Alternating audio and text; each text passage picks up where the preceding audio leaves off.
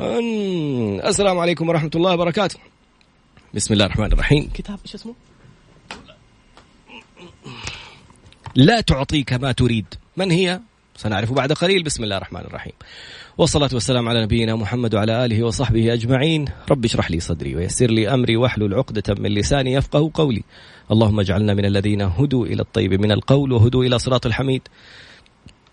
اللهم علمنا ما ينفعنا وانفعنا بما علمتنا وزدنا يا رب علما. عسى أن يهديني ربي لأقرب من هذا رشدا. على الله توكلنا. ربنا آتنا الحكمة وفصل الخطاب. ربنا آتنا رحمة من عندك وعلمنا من لدنك علما. إنا إن شاء الله لمهتدون. اليوم موضوع كتاب مختلف بطريقة مختلفة لإنسان مختلف.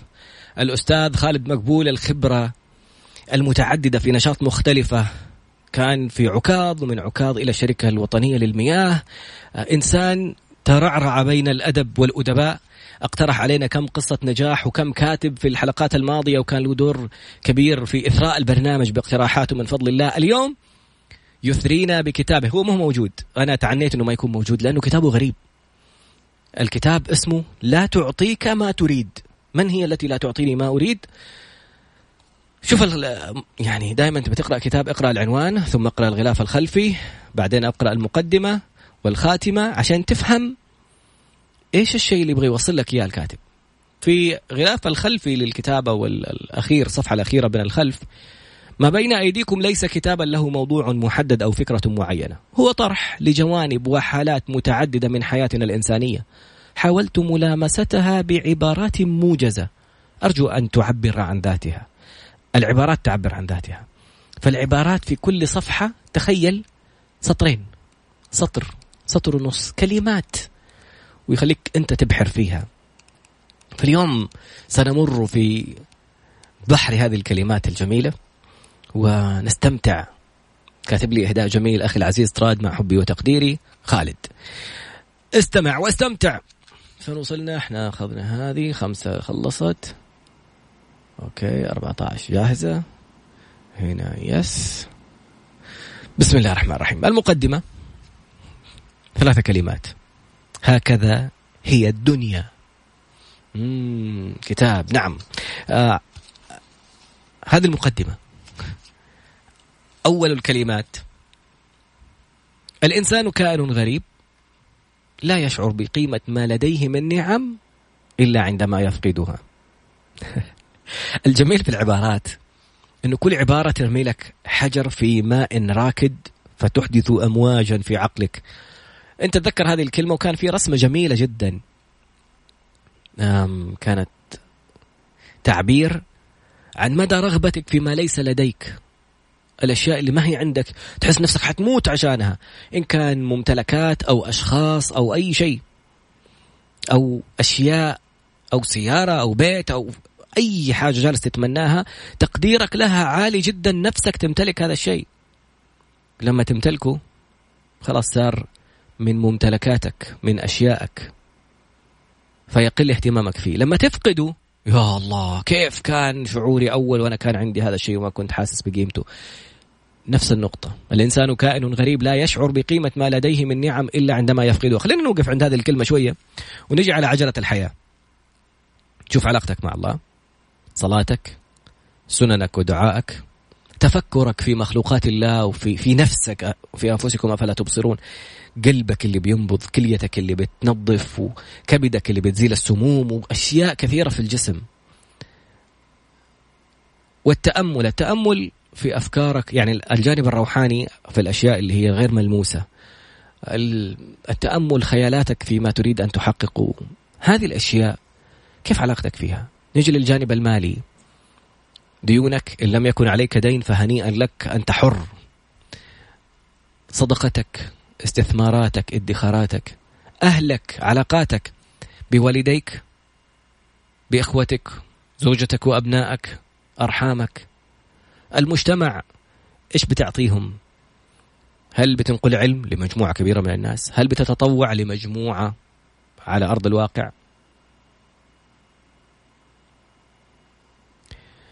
هل بتتوسط لأحد بتساعد شخص معين تمكنه؟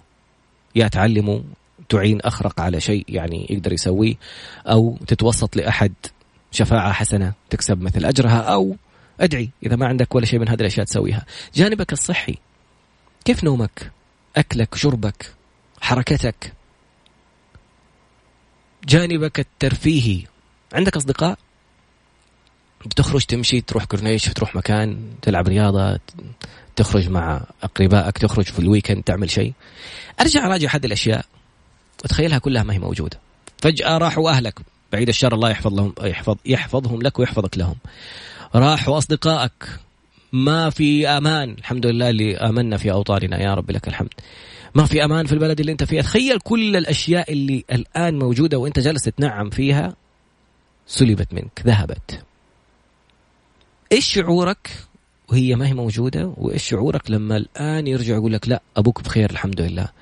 نجا من الموقف اللي اللي مر عليه. أهلك الحمد لله أسرتك سليمة. في ناس رجعوا بيوتهم ما لقيوا أهاليهم. ما أنسى موقف حصل ونزل في الجرايد. كنت أشتغل في مستشفى أيام الجامعة. وإنسانة خرجت من بيتها. صار حريق في توصيلة. فقدت أربع أطفالها. الله يرحمهم ويغفر لهم ويصبرها ويجعلهم إن شاء الله يعني سبب دخولها للجنة. الله يص... يعني ما ما أعرف إيش صار فيها البني ادمه هذه. كان موقف لا ينسى. الشاهد إنه قول الحمد لله لما ترجع وتشوف أولادك لما تشوف بيتك لما تشوف أهلك بأمان قول الحمد لله. هذه نعم يمكن ما أنت مقدرها. هذا كله من كلمة. يرمي كلمة الأستاذ خالد ويسيبك تبحر. الكلمة الثانية أو الصفحة الثانية لو حصلنا على كل ما نتمنى لفقدت الحياة معناها. تخيل كل شيء تبغاه جاك. كيف لذة يعني أحيانا ما أتذكر مين اللي قالها. لذة الرحلة في الوصول إلى ما تريد قصة لها طعمها. يعني وأنت جالس تحاول توصل للبيت الحلم السيارة اللي تبغاها الزوجة الأسرة المكان المنصب المشروع الفكرة الابتكار. رحلة تحقيق الهدف هذا أصلا متعة بحد ذاتها. فتخيل كيف لو أبغى كذا جاء أبغى كذا جاء. يعني في الجنة حيكون لها طعم آخر طبعا. بس أحيانا هنالك لذة في رحلة الوصول إلى ما نريد. الصفحة الثالثة كيف نحيا بلا أمل؟ إنه نعمة إلهية. على فكرة كان من الممكن أن يكون اليوم معنا كاتبة من أبها بس إن شاء الله نأجلها الأسبوع القادم عندها كتاب رائع. كيف تكون علاقتنا بالله؟ لما يقول لك إنها نعمة إلهية كيف يفضل عندك أمل؟ كيف مهما حصل في أي شيء تذكر أن الله على كل شيء قدير؟ عارفين لكن في أسباب. في صلاة في دعاء في قرآن في أعمال تقوم فيها في اتصالات تسويها. لا تجلس تدعي وانت جالس مكانك. خذ خطوة. يعني لله المثل الأعلى الحديث القدسي. إن تقرب إلي شبرا تقربت إليه باعا وإن تقرب إلي باعا تقربت إليه ذراعا وإن أتاني ماشيا أتيته هرولة. تخيل هذا في كل شيء أنت بتسويه في حياتك. خذ خطوة فيه عشان ربي يقرب لك الباقي. قد تخسر كل شيء في أي لحظة لكن احرص على ألا تخسر نفسك. الله. يعني ما أبغى أدخل في خصوصيات ناس لكن في مواقف كثير يمر فيها أشخاص مختلفين. الفرق في ردات فعلهم. في ناس هذا الموقف يقويهم وفي ناس هذا الموقف يهدمهم. فإياك أن تخسر نفسك. في يعني جاني تعليق استفزني شوية أمس و... إنه واحدة كانت تبغى ترتبط بشخص بس عشان وضعه إنه هو سبق له الارتباط فخايفة من كلام الناس عليها. قلت لها كلمة سمعتها من أحد ذوي الاحتياجات الخاصة أو ذوي الهمم كما يفضل أن يسموا. واحدة من الشرقية أتوقع جابوها في لقاء مرة وكانت على كرسي متحرك فقالوا لها يعني ما يضايق كلام الناس؟ قالت لهم أنا ماني محور اهتمام الناس يعني حتى لو أحد جاء يبغى يعلق ولا شافني ولا نظر نظرة شفقة هو يشوف لنفسه يعني أنا ما يهمني إيش هو اللي بيشوفه أنا يهمني نفسي. قالت يعني أنا بتخيل إنه لو أتكلم لو قال والله كان في واحدة مسكينة ولا مدري إيش هل يومه كله ال 24 ساعة حيقضيها وهو يتكلم عني؟ طبعا لا. هل حيتكلم عني اليوم وكل يوم؟ لا. يمكن اليوم اللي شافني فيه قال كلمة سواء حلوة تشجيعية ولا قال بينه وبين نفسه ولا حزن ولا في النهاية ما أخذت من يوم وخمسة دقائق وفي النهاية ما همني هو إيش أخذ من يومه عشاني أنا. إيش جالسة أسوي؟ إيش الأهداف اللي جالسة أحققها؟ إيش نظرتي لنفسي؟ فسؤالي للأشخاص اللي ما هم راضيين ياخذوا قرارات في حياتهم خايفين من كلام الناس. ترى ما أنت محور اهتماماتهم. لو قالوا كلمة في وقت ما ولا تحكوا عنك في أي لحظة ما أسألك سؤال بطريقة عكسية. هل إذا اخذت الإنسان اللي بمواصفات الناس هو الشخص المناسب لك.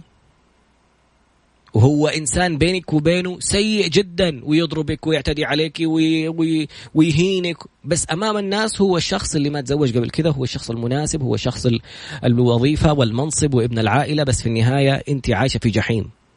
هل حينفعك الآن كلام الناس عنك؟ إنهم قالوا ولا ما قالوا؟ إياك أن تخسر نفسك. وفي النهاية بس ختاما لموضوع العلاقات. مدة اليد خط أحمر. لا تسمحي لأحد أن يمد يده عليك. كذا بيريد نقطة. خلاص ما أبغى أدخل في تفاصيل بس كلام الأستاذ خالد كذا يبحر بك قد تخسر كل شيء في أي لحظة لكن احرص على ألا تخسر نفسك. في الفقرة القادمة نتابع أجمل الذكريات. إيش يعني؟ بعد قليل إن شاء الله.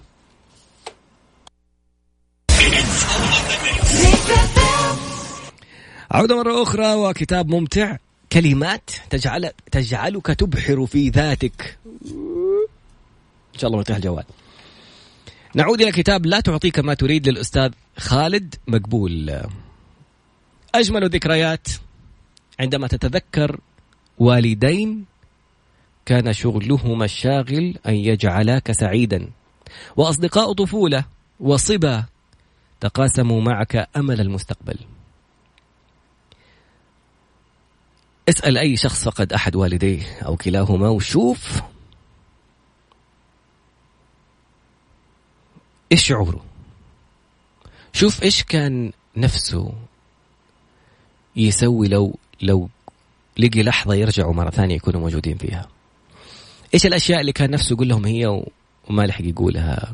إيش الأشياء اللي كان ندمان إنه ما عمل لهم هي وكان بإمكانه يعملها؟ كم مرة كان يعني طلب منك شيء وما سويته وكان بإمكانك تسويه وقلت يا ريتني سبت اللي في يدي ورحت لبيت نداء ولما ناداني. هذه الكلمة أقولها لك على لسان أحد الأشخاص اللي رحت عزيته في والده قال لي محروق على كل لحظة ناداني فيها قلت له مشغول. نتابع مرة أخرى في لا تعطيك ما تريد. من نحبهم نهنئ قلوبنا نهيئ قلوبنا سكنا لهم. أترك لك التعليق على هذه الكلمة. ذكرياتنا الجميلة تظل حضن حضن نركن إليه لنستظل من قيد الحاضر ولهاثه. يعني من جد أجمل الذكريات اللي تخليك آه، جالس فجأة كذا وبين الناس وتسمع كلمة أو تشوف مشهد أو تشم رائحة عطر معين وتلاقي نفسك لوحدك كذا ابتسمت. ما حد عارف إيش فيه لكن أنت عشت في لحظة يعني حضن تركن إليه. حنيننا لأشخاص أو أماكن يعني أنها جزء من وجداننا. لا دخلنا في الأشياء العاطفية. أستاذ خالد أنت حتقلب المواجع. أحبتنا يستحقون أن نضحي من أجلهم. بالأصح يعني هو طبعا كلام جميل وصحيح لكن حقيقة ألذ الإنجازات وأكثرها متعة هي الإنجازات اللي تحس انعكاسها على الناس اللي تحبهم. شوف أي شيء حققته أنت لك شخصيا.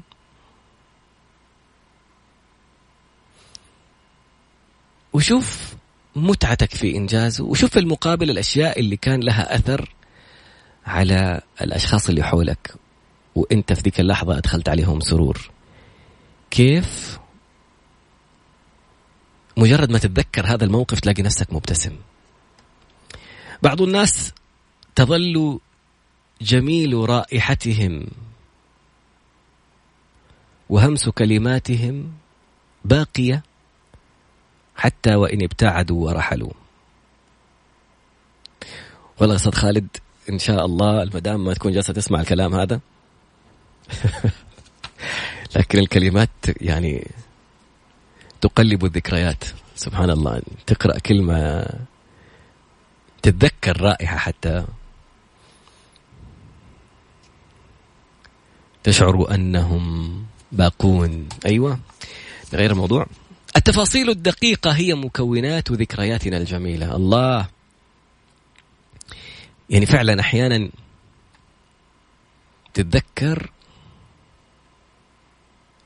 نظرة لغة جسد تنهيدة. نبرة صوت. كلمة قيلت بهمس. هذه التفاصيل الصغيرة. ردة فعل.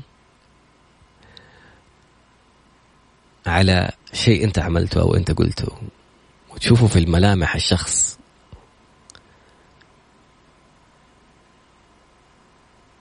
يعني هذه اللحظات اللي لا تنسى.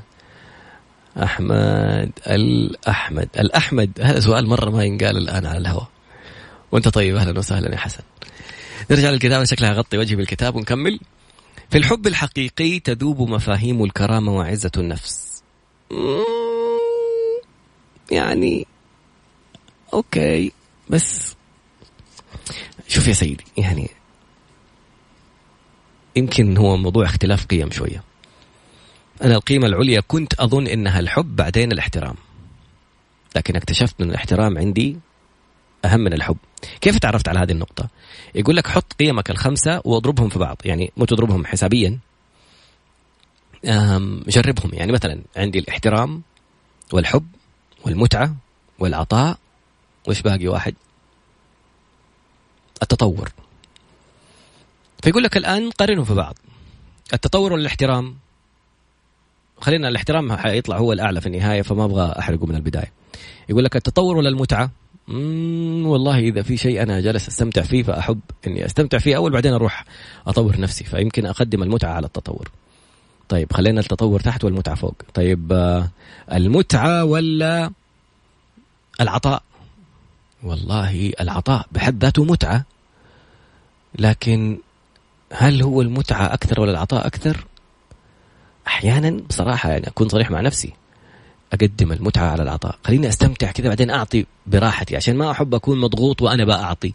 رايح أعطي وأنا ما أعطيت نفسي. أعطي نفسي اولا. أوكي صار المتعة. بعدين العطاء. بعدين إيش قلنا الأخير؟ تطور لا طب الآن في تطور وعطاء مع بعض. تطور ولا عطاء؟ التطور بعدين العطاء. ليش؟ أحب أطور نفسي عشان أعطي شيء جديد. جالس أعطي حاجة أنا سويتها. بعدين أرجع أعطي نفس الحاجة. نفس الحاجة الناس تطفش. فلازم تتطور. فصار متعة. بعدين آه، تطور. بعدين عطاء. طيب جميل. باقي عندنا الحب والاحترام. المتعة ولا الحب؟ لا والله الحب. يعني الإنسان اللي أنا أشعر معاه بحالة الحب والحب أسمى من أنه يكون بس مجرد رجل وامرأة. الحب علاقة الله بخلقه. يا أيها الذين آمنوا آه، من يرتد منكم عن دينه فسوف يأتي الله بقوم أول صفة يحبهم ويحبونه. إيش صفاتهم؟ أذلة على المؤمنين أعزة على الكافرين يجاهدون في سبيل الله ولا يخافون لومة لائم. ذلك فضل الله يؤتيه من يشاء والله واسع عليم. فالجهاد الناس تفكر نتكلم عن الجهاد الحين. الجهاد إنك أن تكون كلمة الله هي العليا.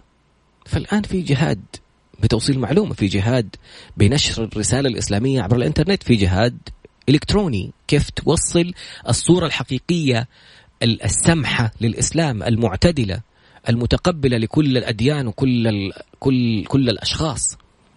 بغض النظر نرجع مرة ثانية لل... للقيم. فين وصلنا؟ الحب أعلى بعدين المتعة بعدين التطور بعدين العطاء. طيب الحب ولا الاحترام؟ هنا كيف تضربهم في بعض؟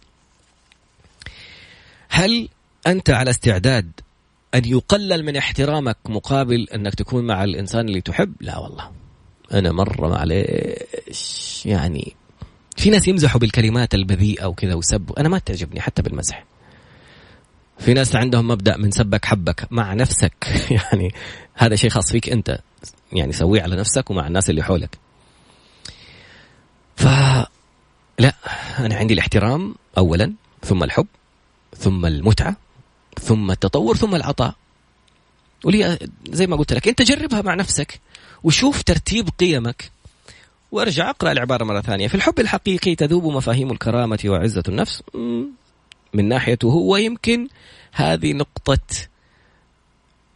ترتيب قيمه العليا. أنا ترتيبي مختلف. تعجبني الكلمة لكن أختلف معها. ليس أثمن من أن يرزقك الله قلبا تجد ذاتك من خلاله. الله على الكلمة اللي تقشعر. عارف مين اللي مرتاح وسعيد؟ اللي لما بيقول كلام هو عارف بينه وبين نفسه إنه هو فعلا هذا الكلام. ما بيناقض نفسه. مو جالس يعيش صورة أمام الناس وهو في الواقع على صورة أخرى. هذا اللي يتعب هذا اللي يقلق هذا اللي يمرض. هذا اللي في النهاية تجيله انتكاسات واكتئابات ومشاكل.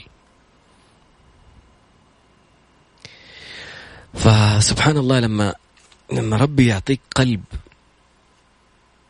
انت تشعر بذاتك. على فكرة أنا هذه هذه هذه فكرتي لهذه الجملة. أنت ممكن تفسرها شيء ثاني وهذه ميزة الكتاب. كل كلمة لما أعطاني الكتاب لقيت صفحات فاضية بس كلمات كده في النص. قال لي تراد كل واحد حيقرأ الكلام حيفسره بمعنى آخر تماما. أنا ما أبغى أعطي تفسيري أصلا لأنه ممكن أنت كل شخص جالس يقرأ من منظوره. أنا لمستني هذه الكلمة جدا و ما تتخيل قد إيش يمكن جات في موقف أو في وقت أنا في أمس الحاجة إني أسمع هذه الكلمة.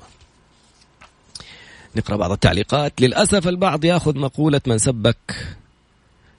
من سبك حبك لدرجة ان يصل للإهانة للطرف الثاني وهذا مرفوض، طبعا مرفوض. أحمد يقول ما عليه ما في مزح في السب يضحك على نفسه اللي يقول كذا. والله أحمد في ناس يعني اختلاف المبادئ ما حد يزعل إيه؟ نعرف بعضنا من يقول بالعكس لو مزح عادي في أشخاص معينين عادي إحنا نمزح كذا اهو شوف سبحان الله تعليقين فوق بعض واحد يقول مستحيل والثاني يقول بالعكس سبحان الله اختلاف قيم. إيش باقي؟ الاحترام شعلة الحب. الله يا رنا إيش الإبداعات؟ يا أخي الحلوانيين هذول عطائهم جميل. نبيل عشان قلت مع مع نفسه الشخص هذا التعبير يعني قال مع نفسه وبقوة. نتابع في الكتاب يقول فين وصلنا إحنا دقيقة كم كم الساعة؟ عشان لا ناخر لهم إعلانات. الدنيا صغيرة بما فيه الكفاية. فجأة تكتشف أنك تعرف أشخاص أو يربطك يربطك بهم. شكل من أشكال العلاقات الإنسانية لم تكن تعلم عنها. فعلا الدنيا صغيرة. يعني أنا الآن أحد أقرب الأشخاص إلي ومسميها أختي الصغيرة يعني اكتشفت إنها في رضاعة بيننا وبينهم. سبحان الله. ولا عرفتها أصلا إلا عن طريق وسائل التواصل الاجتماعي. فبعد قليل نتابع الكتاب الملهم الكلمات البسيطة اللي تبحر فيك في عالم آخر. إن شاء الله. عدنا للكتاب الجميل. كتاب لا تعطيك ما تريد للأستاذ خالد مقبول. و يعني الكتاب هربا من أشياء. فين؟ صلحوا الراديو. ترى تصلحوا الراديو. ولدي الكبير. ما شاء الله لا قوة إلا بالله يا أنور. الله يبارك لك يا رب. خلاص قفل الموضوع لا يتابع الآن يكون أبوي على الهواء ويسوي لنا مشاكل. لا تعطيك ما تريد للكاتب الأستاذ خالد مقبول ويقول ليتنا نستطيع نسيان ما نريد وقت ما نشاء. سأعطيك الحل يا سيدي. جلسات يسموها timeline therapy timeline therapy هذا ال... هذه جلسة تدخل فيها إلى اللاواعي. ثم تصل فيها إلى الموقف الذي لا تريد أن تتذكره وتتغير معطيات هذا الموقف لدرجة أنه ممكن يمحى من ذاكرتك. تخيل. ممكن تدخل في نفس هذا الموقف تصرفات أخرى كان نفسك تسويها وتطلع أنت البطل في هذا الموقف. يا أخي العقل هذا شيء عجيب عجيب. كل ما تبحر في في علم عن العقل وتتعلم على إيش الأشياء اللي بتصير فيه. القرار تخيل تخيل. القرارات اللي بتاخذها انت. انت ما انت عارف انه أسبابها مواقف كثير مرت عليك. مفاهيم قيم ذكريات كلمات. تخيل إنه في أحد الأخوات في جلسة من الجلسات حقت الكوتشنج بتقول اكتشفت إنه سبب أشياء كثيره وضغوطات كثيره هي مارة فيها. كلمة قالتها أمها وهي في في صف أولى متوسط. وما كان المقصود فيها إنها أذى لها. مجرد كلمة حملت هذه البني ادمه إلينا الآن عمرها ما أعرف كم ما شاء الله عليها. منعتها من قرارات كثيرة وخلت عندها يعني شعور بالأذى تجاه والدها.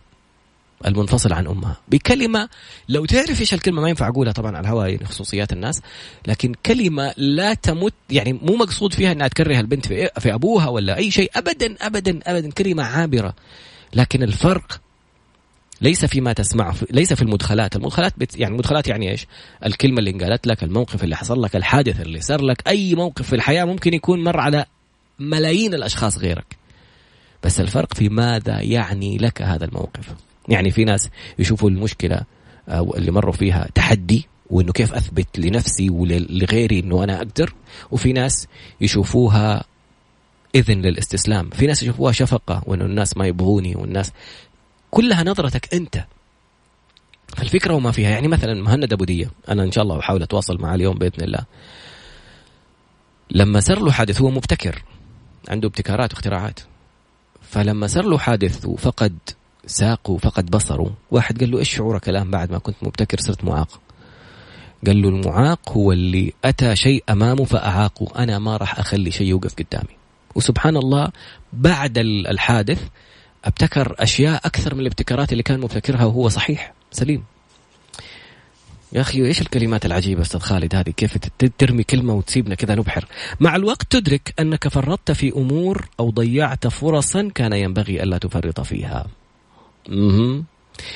وقتها تعرف سبحان الله إنه الأشياء اللي فرطت فيها عشان أشياء أخرى اكتشفت إنه هذه الأشياء الأخرى ممكن تكون بلا قيمة.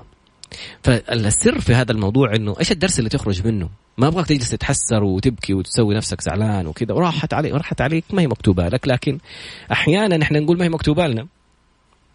في نكتة جابوها فيلم أنا ما أحب أقولها بصراحة بس يعني توصل الرسالة هذه إنه شخص يقول لك راهب آه، نزلت سيول فجلس يدعي آه، يا رب أنقذني فجات المطافي يقولوا له يلا تعال لا قال أنا بدعي ربي. بعدين راحت المطافي وسابه بدأ توصل المياه إلى مكان اللي هو فيه. بعدين جاء ناس بزورق تعال آه، ما أركب معانا. وقال لهم لا أنا بدعي ربي. بعدين راحت الزوارق وخلاص المكان بدأت الموية توصل لين عنده هو في المكان اللي هو فيه فعل المبنى. جات هليكوبتر يا عمي تعال معانا. يقول لهم لا أنا بدعي ربي. لين مات قال لي يا ربي ما أنقذتني. جاتك المطافي وجاك القارب وجاتك هليكوبتر يعني. إيش منتظر ملك ينزل يشيلك بنفسه؟ فالفكرة أحيانا إنه الفرصة تجي وأنت تقول ما أنت ما عملت خطوتك لها. فلا تجلس تتحجج إنه ما هي مكتوبة لي ما لا في أشياء انكتبت لك وجالسه علي بن أبي طالب رضي الله عنه كرم الله وجهه يقول نوعان من الرزق ما اتذكر المقولة بالضبط. يعني هناك رزق تأتيه ورزق يأتيك، رزق يأتيك إرث حاجة هدية جاتك شيء جاك إلين حدك. لكن في رزق لك أنت مكتوب تأتي أنت تقوم تخرج تتحرك. ان توكلتم على الله حق التوكل رزقكم كما يرزق الطير. تغدو خماصة وتعود بطانة. تروح الصباح تتحرك تبحث. رزقها موجود مكتوب لها بس هي اللي تقام تتحرك له. أنت كمان لازم تتحرك. مع الوقت ندرك أو تدرك أنك فرطت في أمور أو ضيعت فرصا كان ينبغي ألا تفرط فيها. من نحبهم بصدق يستحيل علينا نسيانهم. وإن تظاهرنا أو تجاسرنا. والله أستاذ خالد أنت يعني تسبب مشاكل. هو فعلا بصراحة. لما تحب أحد؟ لا يعنيك إن كان معك أو لم يكن معك. ما يهمك أن يكون سعيدا لتسعد. يعني إيش الكلام أنا ببدأ أكتب زيه إن شاء الله.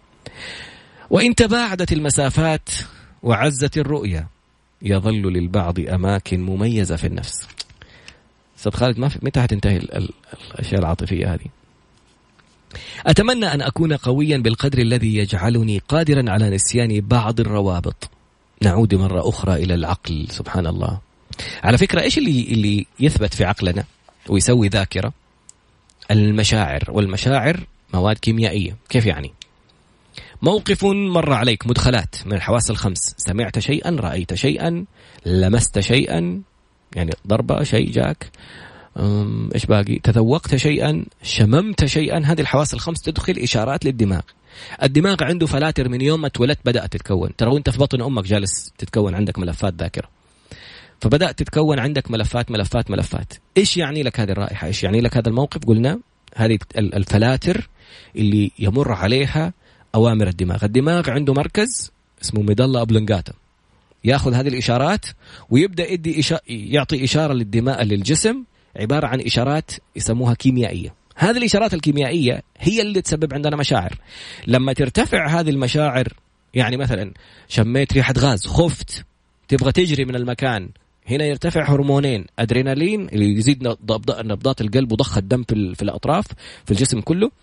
ويزيد هرمون الكورتيزون هرمون الكورتيزون يقول لك أنت في خطر. قفل كل العمليات الحيوية. أرسل القوة كل الطاقة حقت الجسم لهذه العمليات على اليدين والرجلين على الأطراف عشان تصير زي باباي. شفت باباي لما ياكل ال spinach؟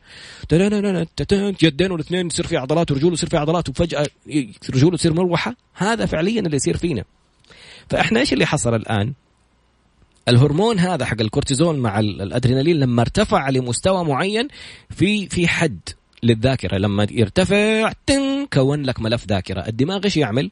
يصور هذا الموقف. ريحة الغاز هذه يعني حريقة. هذا ريحه صوت الكفرات حقت السيارة كذا يعني في قبعة بعدها. يعني اللي كان سمع صوت الكفرات بعدين صار له حادث فيخاف من صوت تفحيط الكفرات. أحيانا في بعض الكفرات منسمة ولا شيء تعطي نفس الصوت. فجاه تلاقيه يصير له يعني كذا رهبة. فالفكرة إنه كل المواقف هذه الارتفاع اللي صار في الهرمونات من يوم ما يصل لحد معين عالي الدماغ يعمل له سكرين شات يحفظه في ملف الذاكرة. فالملف الذاكرة اللي أنت لازلت تتذكره هو موقف رفع لك الهرمونات بطريقة الدماغ أخذ فيها screen capture تبغى تنسى أبعد عن هذا الموقف. غير الجلسات اللي قلنا عليها ال timeline therapy لا تحكي هذا الموقف لأحد لا تتكلم عن هذا الشخص. اخفي أي شيء يتعلق بهذا الموقف من أمامك. ملابس تصدق بها هدايا اهديها سوي فيها أي شيء. لا تخلي شيء أمامك إلين حتتفاجأ لأنه هي سبحان الله كل ما تذكرت الموقف أنت رجعت فعلت هذا الملف حق الذاكرة. رجعت عملت له active خليته في ال في ال screen حقت اللابتوب. طول ما طول وقته موجود. الجلسة اسمها timeline therapy ما أعرف صراحة مختصين معروفين هنا يسووها بس سمعت عن واحدة إن شاء الله بحاول آه، أسوي معها جلسة أو أتعلم. عند اللي علموها. أنا نفسي أتعلم أتقن هذه الجلسات أس... يعني أمارسها في جلسات الكوتشنج بإذن الله. فهذا العلم العجيب وهذه الفكرة لتكوين الذاكرة. فأنت تقدر أنك لما ما تتذكر هذا الموقف اشغل نفسك. الدماغ سبحان الله كأنك بتسوق سيارة وماشي بشويش. إذا ماشي بشويش تقدر تتفرج على الأشياء اللي حولك. في ناس يشربوا تصورهم الكاميرا ياخذوا مخالفة. في ناس يمسكوا التليفون بيدهم الثانية في ساندويتش والدركسون بركبته. لأنه ماشي بشويش. ف... فبإمكانك تسوي أشياء ثانية لكن لما تمشي بسرعة لو السرعة المحددة مثلا 100 110 وأنت ماشي 110 فكل تركيزك حيكون أمامك فقط في الطريق. ما في وقت تتفرج على شوارع ولا تأكل ولا تشرب ولا مدري مين تركيزك في الطريق اللي أمامك. إيش المقصد من هذا المثال كله؟ أجهد الجسد يرتاح العقل. لا تخلي فرصة للعقل إنه يصير في وقت فراغ عشان يطلع لك الملفات هذه يجلس يقلب لك الصفحات. ليه؟ روح العب رياضة روح عجلة الحياة فيها 32 جانب يعني هي ثمانية جوانب رئيسية في كل جانب أربعة جوانب فرعية. عندك صلوات عندك تأمل عندك تفكر عندك سنن عندك استثمارات عندك ادخارات عندك مشاريع عندك والدين عندك أسرة. عندك أرحام عندك تطوع عندك تعليم عندك وساطة عندك دعاء للأشخاص عندك أكل وشرب ورياضة وأشياء تعملها لنفسك لصحتك عندك ترفيه عندك مواهب عند أشياء كثيره عندك تسويها. أنت جانب واحد علاقة ما كانت مع شخص ما انتهت. كأنه العالم كله انتهى. يعني عارف لما تحط كذا ثلاث أحجار ورا بعض فوق بعض. إذا أنت شلت حجره من هذه الحجار وما حطيت مكانها شيء انهارت الحجرين اللي بعدها ممكن يتفرقوا حتى. هذه حياتك إذا أنت باني حياتك على شخص هذه مشكلتك أنت. لا تجلس تقول يا سامعني يا عمل. يعني أنت خلاص راح الشخص هذا متى كنت تكلمه؟ في الأوقات الفلانية في الليل في الليلة بال... يعني كل الأوقات اللي كان يتكلم معك فيها ولا كان بينك وبينه شيء تمارسه مع هذا الشخص في مكالمه هواية أي شيء أشغل هذا الوقت بشيء آخر. لا تخلي العقل فاضي ويجلس يتذكر لي الأشياء وكانه العالم انتهى إلا من الشخص هذا. أو ممكن يا طراد واحدة كاتبة تكون موجودة المواقف دي بس الفكرة فيها. بشكل إيجابي يعني بدل ما نفكر فيها دائما بنفس الشكل ممكن نغير الله عليك. هذا مين؟ SP عمر. والله يا Mr SP ولا Mrs SP ماني عارف إذا أنت ذكر أم أنثى. فكرة جميلة. هي فعلا إنه غير نظرتك للأمور تتغير الأمور بنظرك. ممكن هذا الإنسان مو مناسب لك. ممكن هذا الإنسان ما ينفع يكون ف... ممكن هذا الإنسان أنتهت رسالته في حياتك. هو جاء رسالة معينة في وقت معين ممكن حماية لك ممكن يكون درس لك ممكن يكون أي شيء. فشكرا جزيلا. أنا بسوي كذا معلش بالتيشيرت عشان الكلام بالأبيض فما هو باين فتيشيرت رمادي فأحط كذا عشان أشوف. والله الكتاب يا أخي عجيب كلمة وتبحر. أتمنى أن أكون قويا بالقدر الذي يجعلني قادرا على نسيان بعض الروابط. خيبات الأمل في كثير من الأحيان تكون من صنع أيدينا. نعم أتفق. وبعنف. شكرا يا استاذه هبه والله شهادة أعتز بها. تقول دائما تقنعني. خيبات الأمل ليش خيبات الأمل؟ لأننا نتوقع. وخيبة الأمل هي فرق التوقعات عن الواقع. أتوقع أنه عندما يراني سيركض علي وكذا لم يركض ولم يفعل. فأنا أصاب بخيبة الأمل. لماذا؟ لأني كنت متوقعة ليش توقعتي طال عمرك؟ عشان صورة خيالية جالس أبنيها في ذهني غير الواقع. يا أخي لا تجلس سيب التوقعات. تفاجأ يا أخي. لا تبني توقعات. أنا رايح عايز أتفاجأ.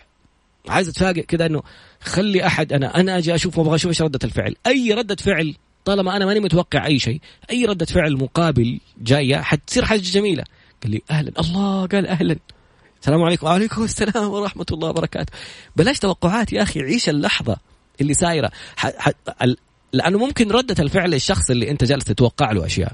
تكون ردة فعل بالنسبة لغيرك رائعة. جاء معاه وردة. بس أنت أو أنت متوقعة بوكي ورد. اللي مو متوقع حاجة وجاته وردة. الله جاب وردة. والله يا أخي إنسان هذا رومانسي. أنت عشان متوقع بوكي ورد وجاتك وردة إيش البخل ده؟ طب ليه ليه متوقع ده كله ليه؟ ما لحق. المحل مقفل صلاة وقت حاجة ما عنده وقت. لقي واحد في الشارع بيبيع وردة أخذ منه وردة ومشي. ف أستاذ خالد جميل الكتاب. خيبات الأمل في كثير من الأحيان تكون من صنع أيدينا. هل كان مشروع خداع لأنبل عطاء؟ لا لا كده بدأنا نخش في التقريح والمواقف اللي مش حلوة. لا يا سيدي. أنا لا أتفق مع هذه الكلمة. هل كان مشروع خداع لأنبل عطاء؟ أنت أعطيت. هل عندما أعطيت كنت منتظرا لنتيجة؟ لرد فعل؟ لا. اسمه عطاء عطاء يعني هبة. مو هبة اللي بتابع. هبة يعني شيء غير مقابل. يعني مثلا مثلا لما تعرف إنه ربنا يحبك وتعرف إنك أذنبت وتستغفر وتعرف إنه ربنا يحب المستغفرين تدلل. شوف سيدنا سليمان متى جاله الملك هذا؟ بعد ما أذنب ذنب أخر الصلاة إني تركت حب الخيل إني من من فاكر الآية؟ إنه آثر حب الخيل على على ذكر ربي حتى توارت بالحجاب راح وقت الصلاة وهو جالس مع الخيل منبهر بالخيل. فإيش اللي صار؟ عرف إنه أذنب تاب لله قال ربي اغفر لي وعلى طول إيش بعدها؟ وهب لي هبة. عطية منك يا رب. وهب لي ملكا لا ينبغي لأحد من بعدي إنك أنت الوهاب. الهبة شيء ربي يعطيك إياه مو عشان عمل أنت عملته. ده أنت مذنب. وجاي تطلب هبة؟ لأنه ربي أنا عارف أنه ربي يحب التوابين ويحب المستغفرين فأبغى أستثمر هذه اللحظة وأجي أطلب. فأطلب اللي تبغاه. ففي المقابل ليش بنقول العطاء لا تنتظر إنه يقول والله كان خداع ولا مو خداع. يا سيدي أعطي. أنا أصلا كذا ولا كذا ما كنت مستني ردة فعل. فلما أعطي حاجة لا أحاسب. قال شكرا الحمد لله. ما قال شكرا ربي حاسب. يعني ما يضيع شيء عنده آه وردة مو عاجبتك تعليقات يعني ممكن ناخذ لنا فقرة بس نقرأ تعليقات بصراحة وجمال الحوار اللي جالس يصير في التعليقات. نعود بعد قليل في فقرتنا الأخيرة واستمع واستمتع كتاب اليوم اسمه لا تعطيك ما تريد للأستاذ المبدع خالد مقبول. سبحان الله العظيم. شوف ردات الفعل المختلفة على موضوع الكتاب. يعني أحد أجمل التعليقات أنه يقول الكتاب اليوم رسالة لكثير منا. شكرا على الاختيار الجميل هذا. شكرا لك أنت. من هذا؟ رنا. شكرا لك أنت رنا حلواني. يا أخي العائلة هذه سبحان الله أنا عندي ثلاثة أو أربعة من من العائلة يعني عائلة حلواني عموما.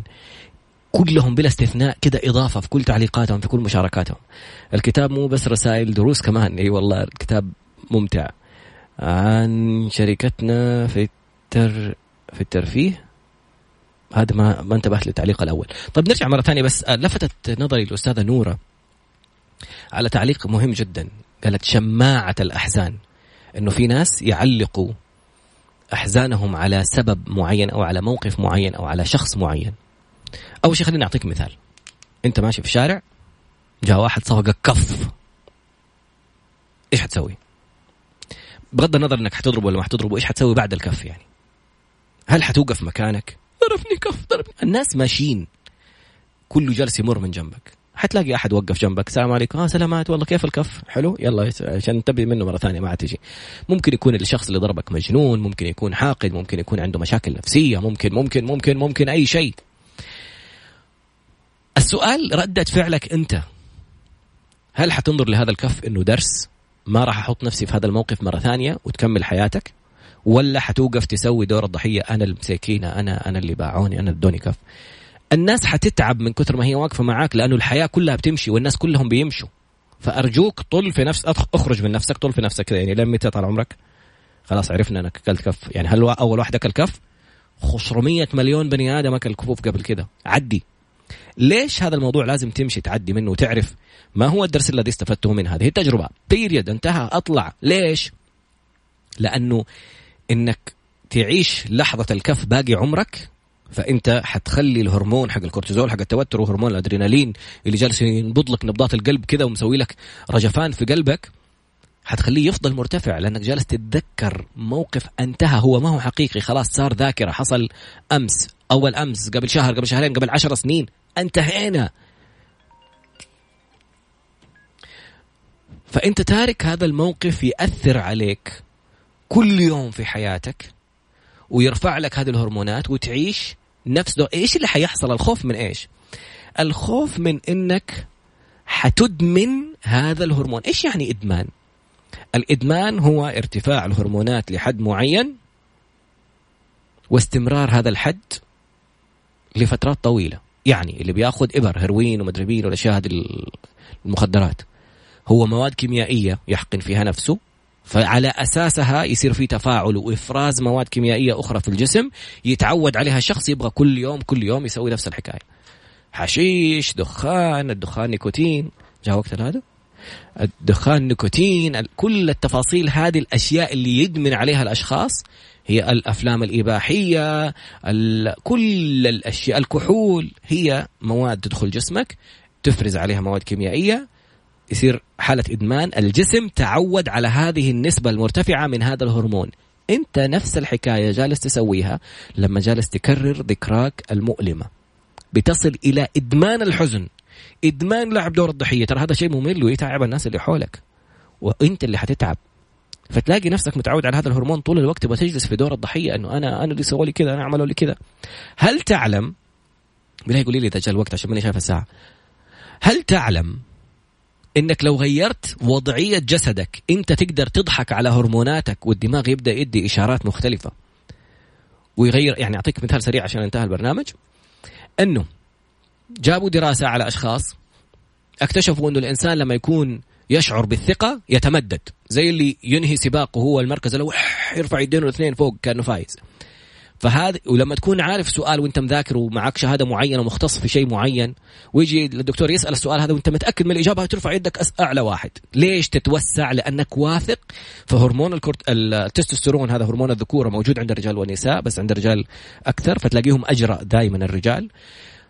فتلاقي الهرمون هذا لما يرتفع يعطيك تمدد وتحس بإحساس بالثقة.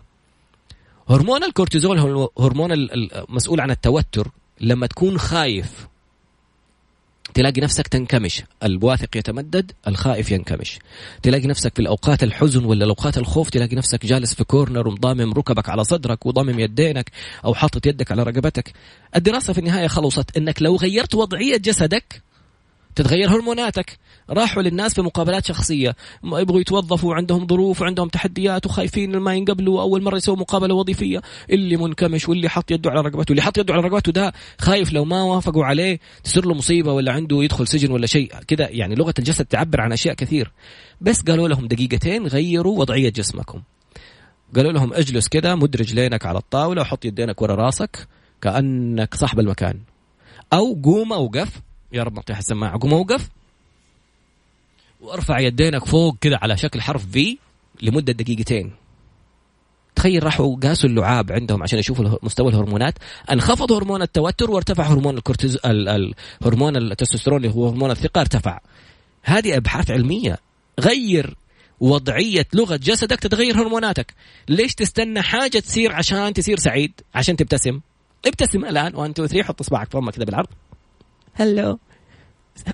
تحس بسعادة الدماغ من جد يدي إشارة يقول هذا سعيد سعيد جدي. فهمت؟ فالآن نفس الحكاية ارفع يدك حس بالشعور إيش الرسالة اللي بنوصلها؟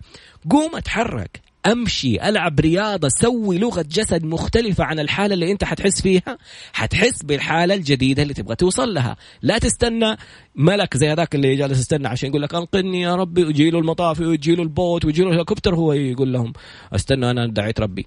عندك أدوات قوم أتحرك؟ امشي خذ خطوة تقرب إلي شبرا تقربت إلي بعد.